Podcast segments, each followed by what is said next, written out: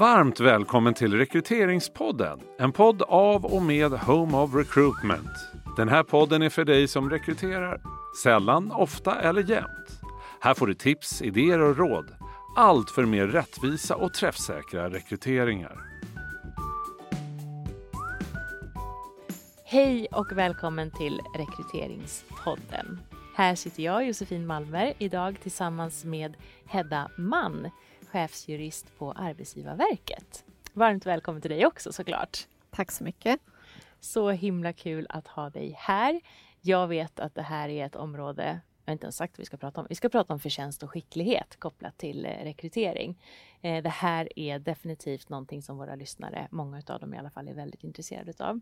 Som jobbar inom statlig verksamhet och som brottas med hur kan vi jobba modernt, fräscht, kompetensbaserat med våra rekryteringar och samtidigt förhålla oss till det här. Så att jag har en massa frågor till dig som jag har förberett och som, som vi har bubblat om här innan. Men jag tänker att innan vi går in på dem, jag tror att det vore bra om du beskrev lite grann vad, ja men, lite grann din roll kanske, men också vad Arbetsgivarverket gör för någonting. Mm. Eh, Arbetsgivarverket är ju statens arbetsgivarorganisation, så att Arbetsgivarverket är en av de tre centrala arbetsgivarparterna på svensk arbetsmarknad. Eh, vår uppgift är att samordna den statliga arbetsgivarpolitiken. Det är vi som förhandlar de statliga centrala kollektivavtalen. Vi företräder staten som arbetsgivare eh, i domstol i tvister.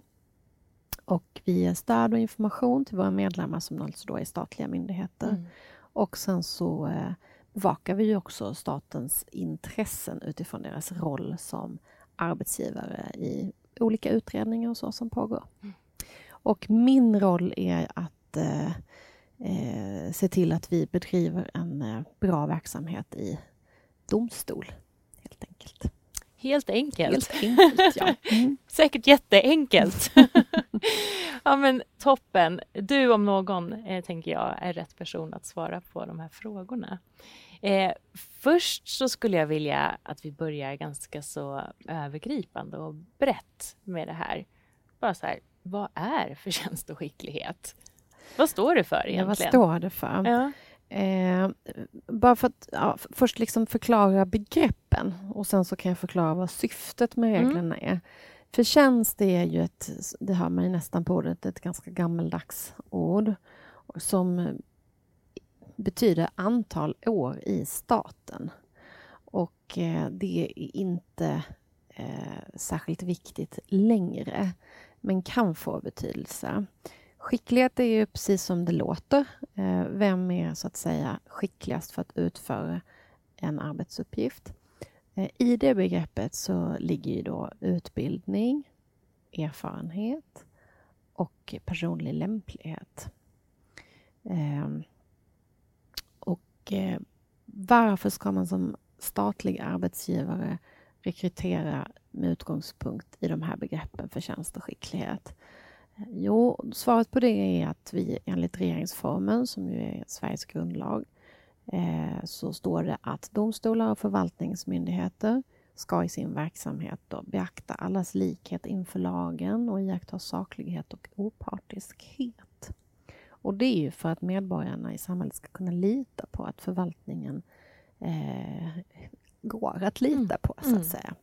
Och där, då finns det ju regler om jäv till exempel och det finns regler om att man inte får ha vilka bisysslor som helst eh, för att upprätthålla den här likheten inför lagen och att förtroendet för förvaltningen ska vara intakt. Men sen finns det också då eh, regler om förtjänst och skicklighet i regeringsformen också som, som då ska borga för den här likheten inför lagen.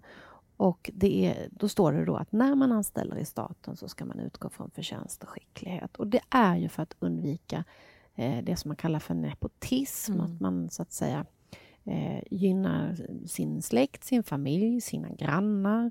Eh, ett annat ord för det är vänskapskorruption.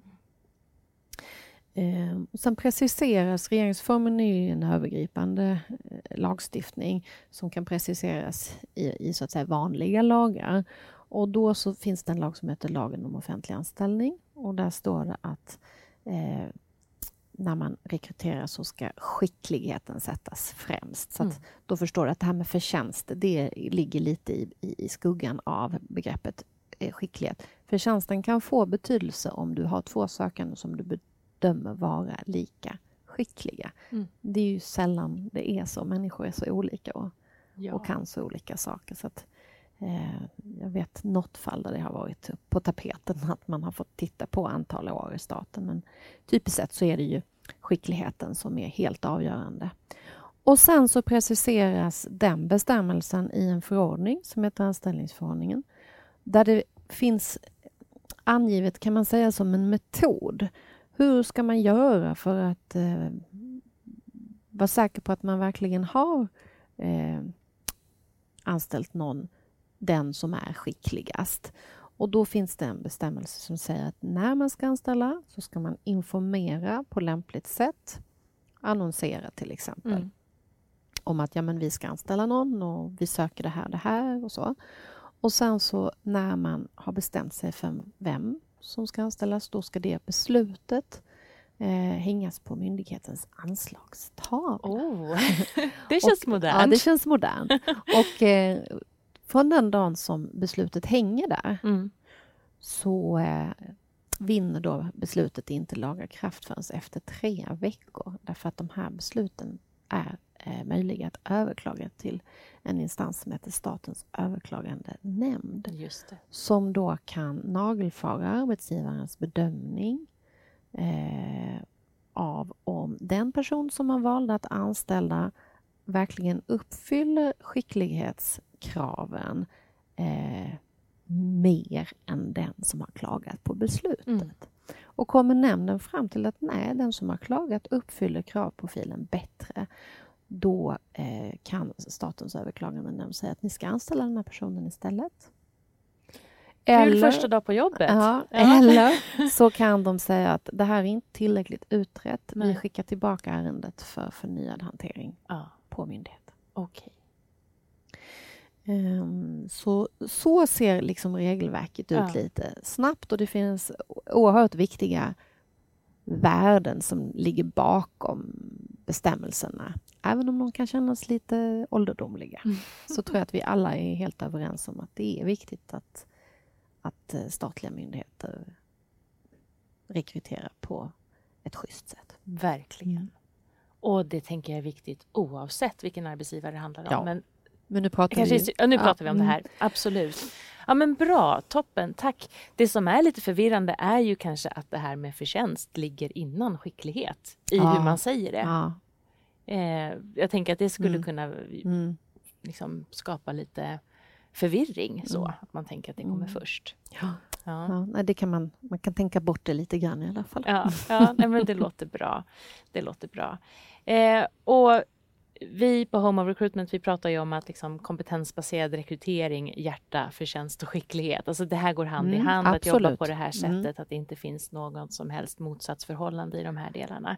Nej, tvärtom. Kompetensbaserad rekrytering innebär ju också att man inte ska ta ovidkommande hänsyn utan man ska bara utgå från kompetensen. Och det är precis vad skicklighetsbegreppet innebär Mm. också. Mm. Mm. Och vad skulle du säga det här som, med det sagt då så borde det egentligen vara svaret att det inte påverkar alls. Men på vilket sätt kan man säga att det här förtjänst och skicklighet påverkar möjligheterna till olika upplägg av rekryteringsprocesser? Alltså hur kan man faktiskt göra? Man Som kan ju statlig egentligen arbetsgivare. göra, tror jag, precis som vilken seriös arbetsgivare som helst. Eh, om jag står inför att anställa någon så har, ska jag, jag har ju en idé om vad det är för kompetens jag behöver och varför jag behöver den. Eh, och det ska jag formulera i en kravprofil. Och sen så ska jag mäta de sökande mot den kravprofilen. Eh, och det här måste man ju göra också för att undvika att bryta mot diskrimineringslagstiftningen. Absolut. Eh, så, men man kan väl säga så att de här reglerna ställer det väl kanske lite på sin spets. Att när jag sätter ner kravprofilen då måste jag också ha en idé om hur ska jag kunna argumentera för att Lisa bättre uppfyller kravprofilen än Pelle. Jag måste ha en idé om hur jag ska undersöka deras kompetens. Och då är ju vissa saker enklare än andra. Om, huruvida de har en utbildning eller inte, det är ju liksom check eller mm. check mm. eller inte check. Eh, erfarenhet är väl förhållandevis enkelt också. Eh, även om den kan vara lite svårare att bedöma eftersom den kan se olika ut men vara intressant. Ja, mm. även om det, den ser olika ut. Eh, men när det gäller personlig lämplighet eller önskvärda beteenden då måste jag ju verkligen rannsaka mig själv som arbetsgivare. Vad är det för beteenden jag vill se eh, hos den person som ska utföra de här arbetsuppgifterna? Varför är det viktigt? Hur ska jag ta reda på om den här personen eh, har de här beteendena eller förmågorna eller lämpligheten? Det kan ju till exempel vara genom att eh, ställa frågor på ett visst sätt Mm. Ge exempel på situationer när du tycker själv att du har uppvisat prov på flexibilitet, mm. strategisk förmåga mm. eller något annat sånt här flufford. Mm. eh, man kan... Eh, jag har ju... När jag har rekryterat jurister så har de fått ett, eh, ett juridiskt dilemma mm. som de får fundera över i två, tre minuter. Och sen så får de redovisa för hur de tänker då får man fram jättemycket, mm. både deras juridiska, den analytiska förmågan, mm. men också hur de resonerar mm. eh, överlag, så ja. att säga. Och också hur stressade de blir av situationen. Mm. Om det är viktigt för mig att det här är en stresstålig person, till mm. exempel. Så den situationen, det, man ser direkt om personen tycker att det här var kul, mm. eller usch, det här var det värsta jag varit ja, med om. Jag har haft att de får eh, hålla som ett litet föredrag om en, en, en liksom i, i vårt sammanhang ganska enkel juridisk fråga, men det, det är mer liksom för att se hur fångar de den bollen? Hur tar mm. de sig an det?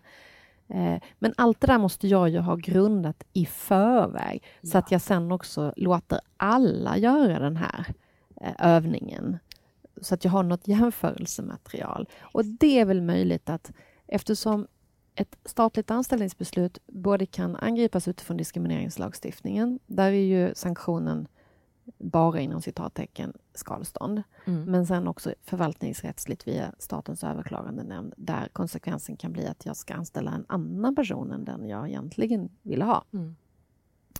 Så eh, blir det ju extra viktigt att jag verkligen kan argumentera för varför jag tyckte att Lisa bättre uppfyllde kravprofilen än Pelle. Precis, och helst egentligen inte bara att du tyckte det utan att du kan det är klart att det finns väldigt mycket tyckande i det men det finns ju också möjligheter att göra eh, mer liksom kvantifierade mekaniska ja. inslag också under ja, Man kan ju komplettera intervjun med tester av olika slag, mm. både kognitiva men också personlighets tester. Mm. Eh, och då kan man ju få bekräftat eller man kan säga att oj, det här stämmer mm. inte. Och så får man fråga vidare om det då Exakt. istället, hur det kan komma sig. Sådär. Och det som är kompetensbaserad rekrytering är ju precis det du beskriver, en mm. genomarbetad kravprofil där man noggrant tänker igenom mm. vad är det på riktigt som är mm. kärnan i mm. tjänsten och hur, eh, vad ser vi är de absoluta krav vi, vi ställer på dem som ska kunna göra det här jobbet. Mm. Och så väldigt mycket fokus på hur man gör i form av beteenden och definiera de mm. beteendena. Och på förhand lägga upp sin struktur för så här ska vi ta reda på det. Det här är de mätmetoder vi använder. Mm. Det kan vara en strukturerad intervju. Det kan vara precis som du lyfter, som ju är det absolut bästa visa forskning och all, all din, både din och min erfarenhet, det här med arbetsprover också mm. på olika sätt. Det kan vara testverktyg, det kan vara referenstagning, det kan vara... Och i kombinationen ja, av det är ofta precis. väldigt, väldigt bra. Ja. Uh, så, ja. så uh, det här är ju fantastiskt skönt att höra, tänker jag, att, att det går hand i hand. Det är ju det vi, vi uh, redan har förstått, men att höra dig säga det är ju jättebra. Eh, men vi vet ju också att det finns många verksamheter och, och, personer som är ansvariga för de här sakerna som är lite, lite rädda ändå för mm. det här. Mm. Och jag tänker att det hänger ihop med att det ändå fortsatt finns en del missförstånd kopplat mm. till det. Vad finns det för vad finns det i det här som kan misstolkas enligt din erfarenhet? Ja, men jag, jag tror att man ibland kanske inte riktigt eh, fullt ut inser vidden av att man själv fyller skicklighetsbegreppet med ett innehåll. Det är jag som arbetsgivare som bestämmer vad som utgör skicklighet i förhållande till det aktuella arbetet. Eh, men sen när jag bestämt mig för det, då är jag lite låst. Då ska jag följa, mm. följa den kravprofilen och, och, alla som söker ska mätas mot den. Märker jag då att det har blivit en missmatch, jag har tänkt fel, jag får inga sökande alls, jag får alldeles för många sökande, jag får sökande med, med kvalifikationer som är jag inte hade tänkt på finns, men som jag inser nu att de är superintressanta för det här jobbet.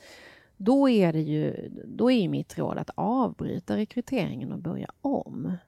Eh, att inte liksom försöka gena fram till ett beslut. Eh, därför att får man ett överklagande då till nämnden, då är det ju stor risk att man tappar det därför att någon som faktiskt uppfyller kravprofilen klagar. Och jämför man mot kravprofilen så är den skickligast då. Mm. Eh, så att, märker man att det liksom spårar ur på vägen mm. i förhållande till den kartan man har ritat upp. Dra i handbromsen och börja om. Och det är klart att det gör ju att rekryteringsprocesserna i staten, he, hela det här maskineriet, eh, jag inser ju det, det tar lite längre tid. Mm. Och i, på en arbetsmarknad där det finns, eh, jag tänker till exempel IT-kompetensen slåss ju alla om, alla sektorer. Eh, då kan man tappa sökande på vägen. Mm. Och, och, det vet vi är ett problem. Att, mm. den, det, det, att, att rekrytera rätt tar tid. Det tar tid och jag, och jag tänker att absolut, det är ett problem men uppsidan i det här och det som vi verkligen uppmanar alla till och önskar och hoppas att alla gör det är ju att man faktiskt tänker till ordentligt innan. Och den här delen, det här gör ju att man faktiskt tvingas göra det. Ja. Man måste tänka till och sen mm. som du säger så måste man ju också vara klok nog att inse att nu får vi avbryta, nu får mm. vi vara lite agila här mm. i vår mm. rekrytering och faktiskt mm. ändra oss. Det blir ett, en annan grej mm. såklart. Eh, för statliga så, verksamheter. Så tänker jag så här att det är viktigt att man tänker på de här frågorna lite hela tiden, inte bara när man står inför en rekrytering. Vilken kompetens är jag rädd att förlora? Mm. Eh, om den eller den personen skulle sluta, så, mm, då har man det klart för sig. Vilken eh, kompetens har vi redan väldigt mycket av? Mm. Ja, men då kanske vi inte ska söka det nästa gång. Vilka frågor har vi idag problem med att hantera? Vilken kompetens ska jag passa på att få in nästa gång jag får chansen? Så att man har det tänket klart för sig. Då blir i alla fall startsträckan något kortare. Så tänker jag. Mm. Så det. tänker vi mm. också. Och det är, så, åh, det är så skönt att du säger det också. För det är ju verkligen det som som man önskar. Att man tar tillfället i akt och tänker till kring så här, vad har vi för strategiska mål? Hur ser gruppen ut idag? Vad gjorde den personen som då slutade? Oftast blir det ju väldigt stressat för att man ska fylla en stol. Och, mm. eh, men att man stannar upp, reflekterar. Mm. Vad är det egentligen som vi behöver nu när vi har möjlighet att ta in någon? Och Precis. också jobba proaktivt. Mm. Så. Så jätte, jättebra. Att ha de tankarna med sig egentligen även i icke-rekryteringstider. Ja, mm. exakt. Mm. exakt. Så att det inte blir de här snabba förhastade mm. besluten. Utan, eh, mm.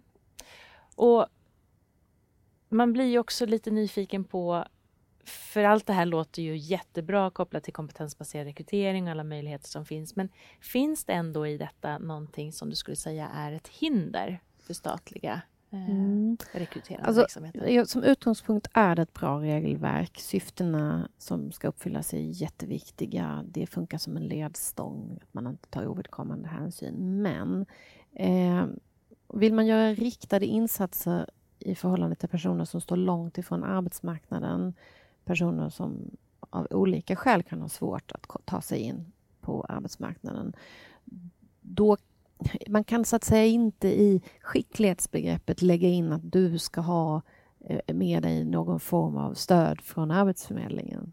Nej. Nej. Utan då får man eh, genom sin kravprofil eh, försöka lägga sig på en nivå så att den, de personerna har när de ser det förstår att jo, men det här jobbet skulle jag faktiskt kunna utföra.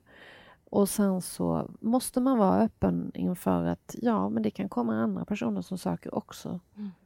Som inte var tanken, alltså som Nej. inte var målgruppen. Mm. Och då måste man ha en plan. Ja, vad gör vi då? Avbryter vi rekryteringen då? Eller kör vi på i alla fall? Mm. Så att ibland, tänk, ibland hör man att staten är, borde vara ett föredöme när det gäller till exempel att anställa personer med olika funktionsnedsättningar och så.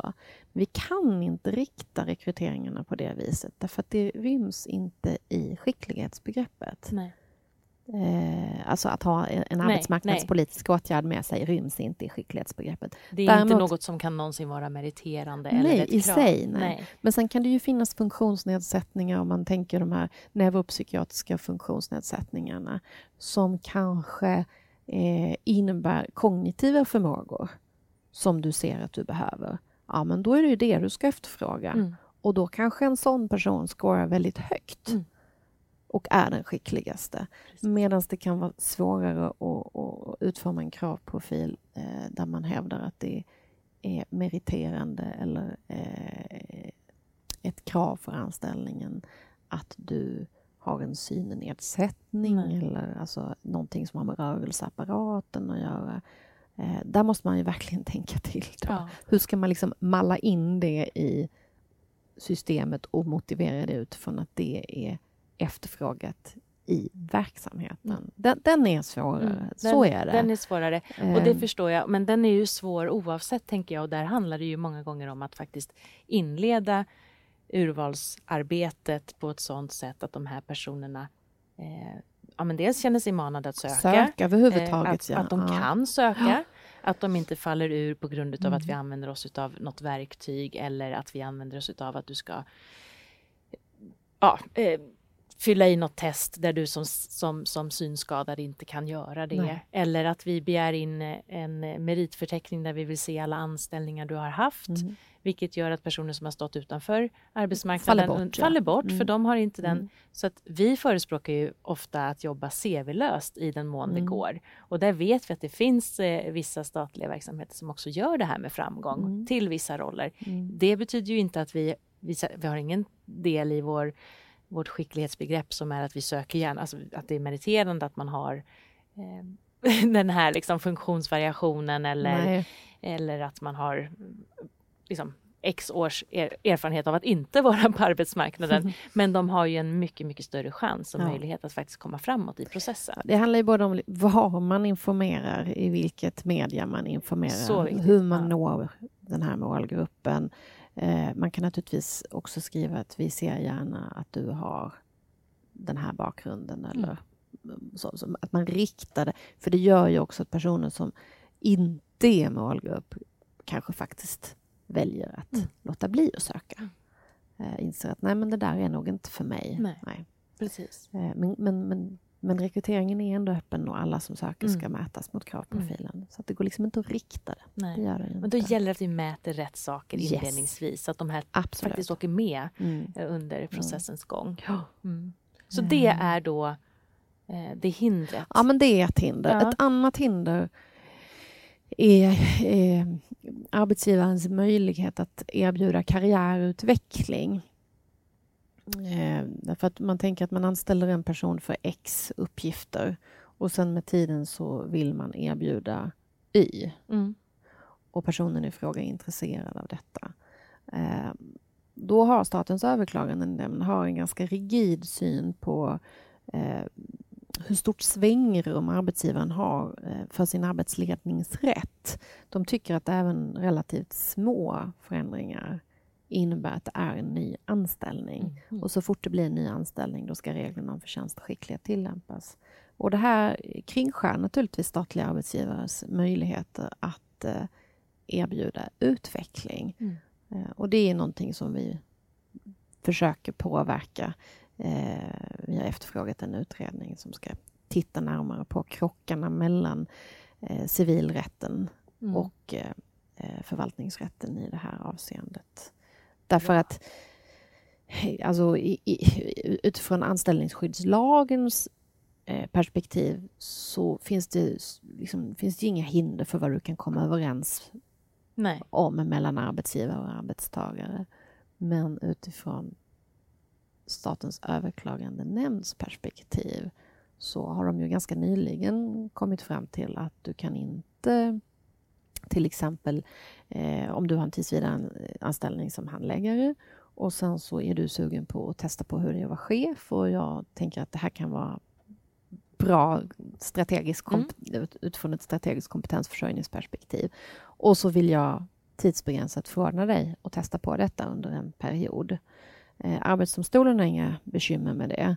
Men Statens överklagandenämnd tycker att det här blir en sån stor förändring i förhållande till vad du gör i vanliga fall, att det är eh, en nyanställning. Och innan jag då kommer överens med dig om detta, då måste jag informera på lämpligt sätt mm. och sen så när vi väl är överens också fatta ett beslut som hängs på anslagstavlan och som är möjligt att överklaga. Mm. Och det är klart att det...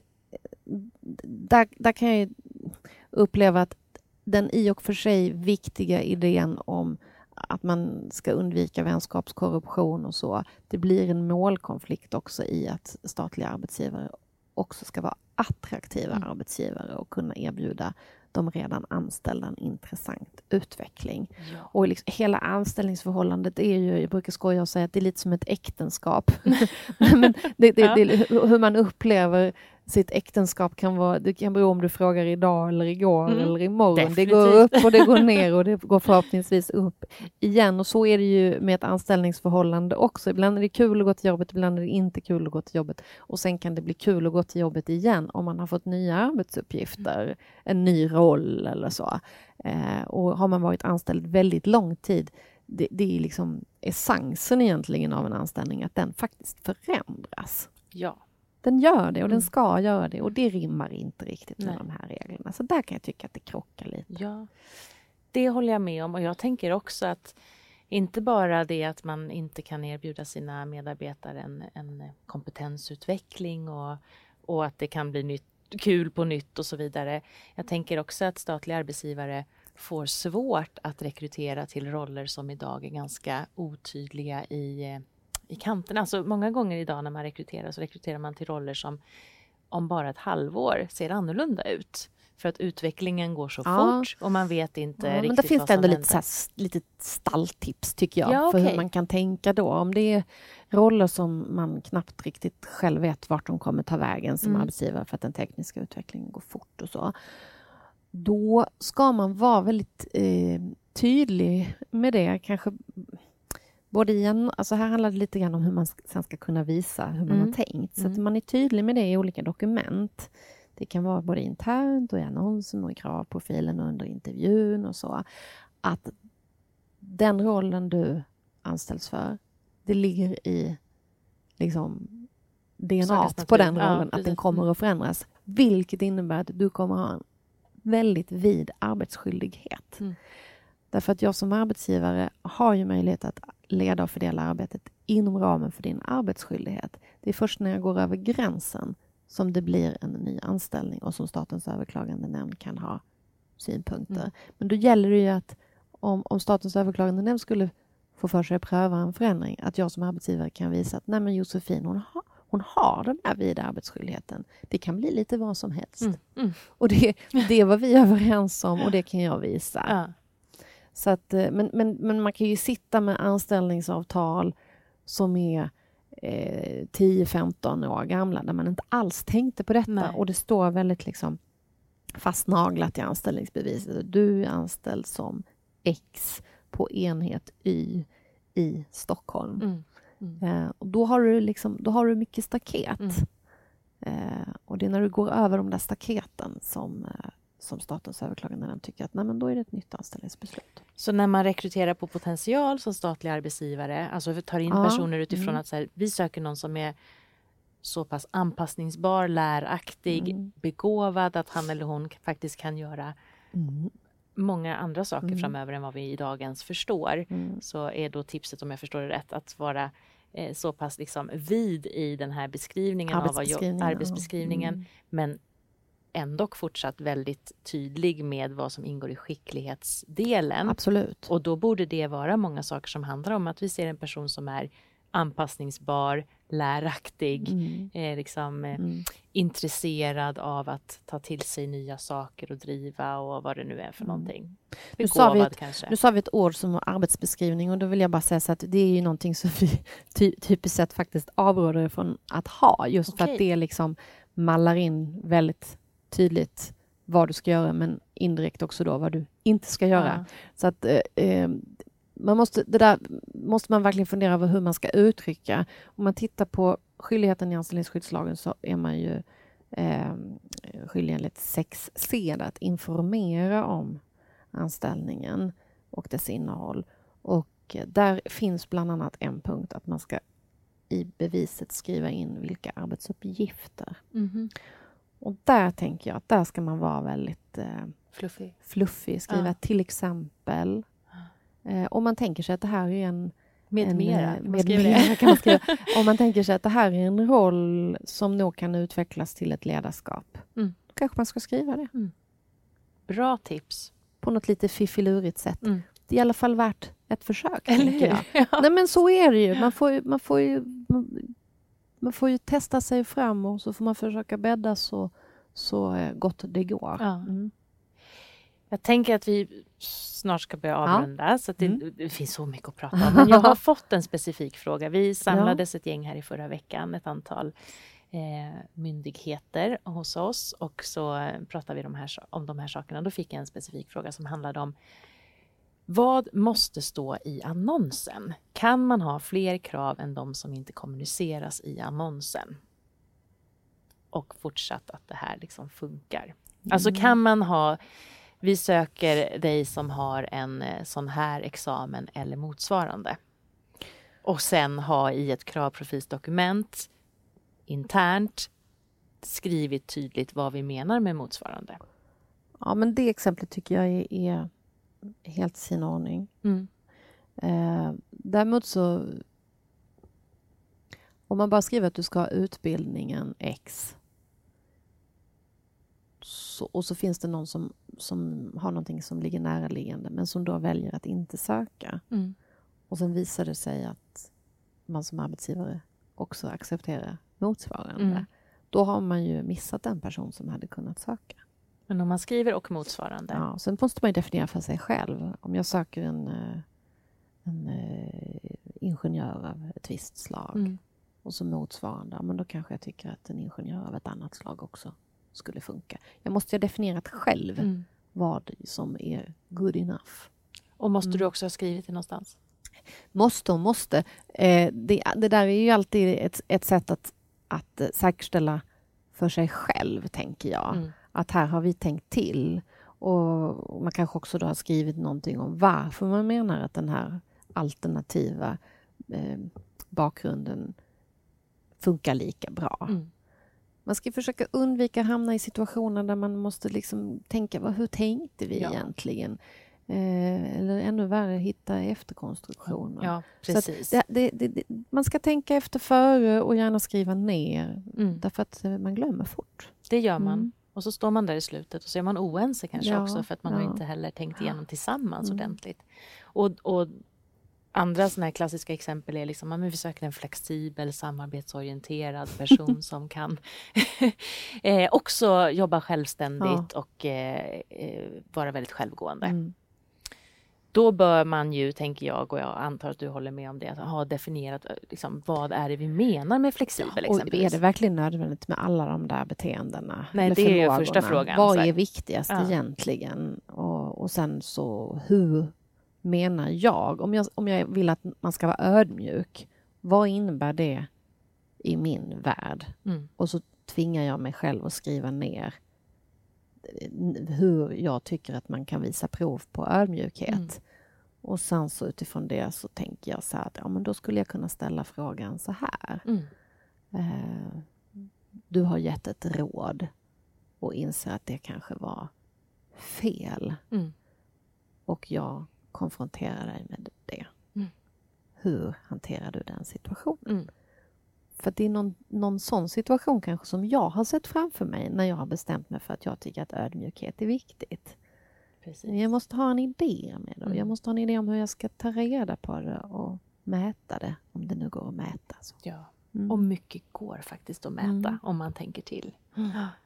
Okej, men mm, jag, jag tänker att svaret på frågan från den här gruppen då ändå är att allt behöver inte kommunicera Nej. det, kommuniceras i annonsen för att, det, för att det fortfarande ska vara liksom Nej, giltigt. men man ska inte undanhålla information som gör att folk låter bli att söka, som i och för sig kanske hade varit intressanta. Mm. Och man ska heller inte undanhålla information som eh, så att det blir en sinkadus. Alltså, du har råkat beskriva någonting men en annan person har i- inte gjort det därför att det framgick inte av annonsen Nej. att det var viktigt. Nej. Och det är bara en slump att du har råkat beskriva detta. Och så väljer jag ut det till intervju.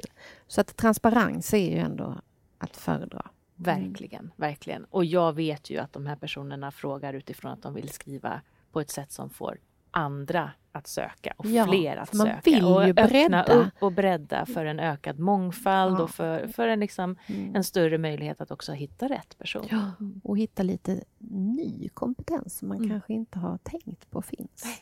Exakt. Mm. Jättebra. Nu har jag ställt alla frågorna jag hade på mitt papper. är det någon fråga jag inte har ställt som du tänkte, men den där borde hon ju ha ställt. Varför passade hon inte på med den? Nej, men jag tror att vi har faktiskt gått igenom det man kan säga om detta i stora drag i alla fall. Ja. Så himla stort tack för att du ville Tack vara för att med jag fick Hedda. komma hit. Jätteroligt. Jättekul. Nu, nu klarnar bilden ytterligare. Ja, förhoppningsvis. Ja, stort tack. Du har hört en podd av Home of Recruitment. Om du vill komma i kontakt med oss, skicka ett mejl till info at homeofrecruitment.se. Podden är producerad av Septemberfilm.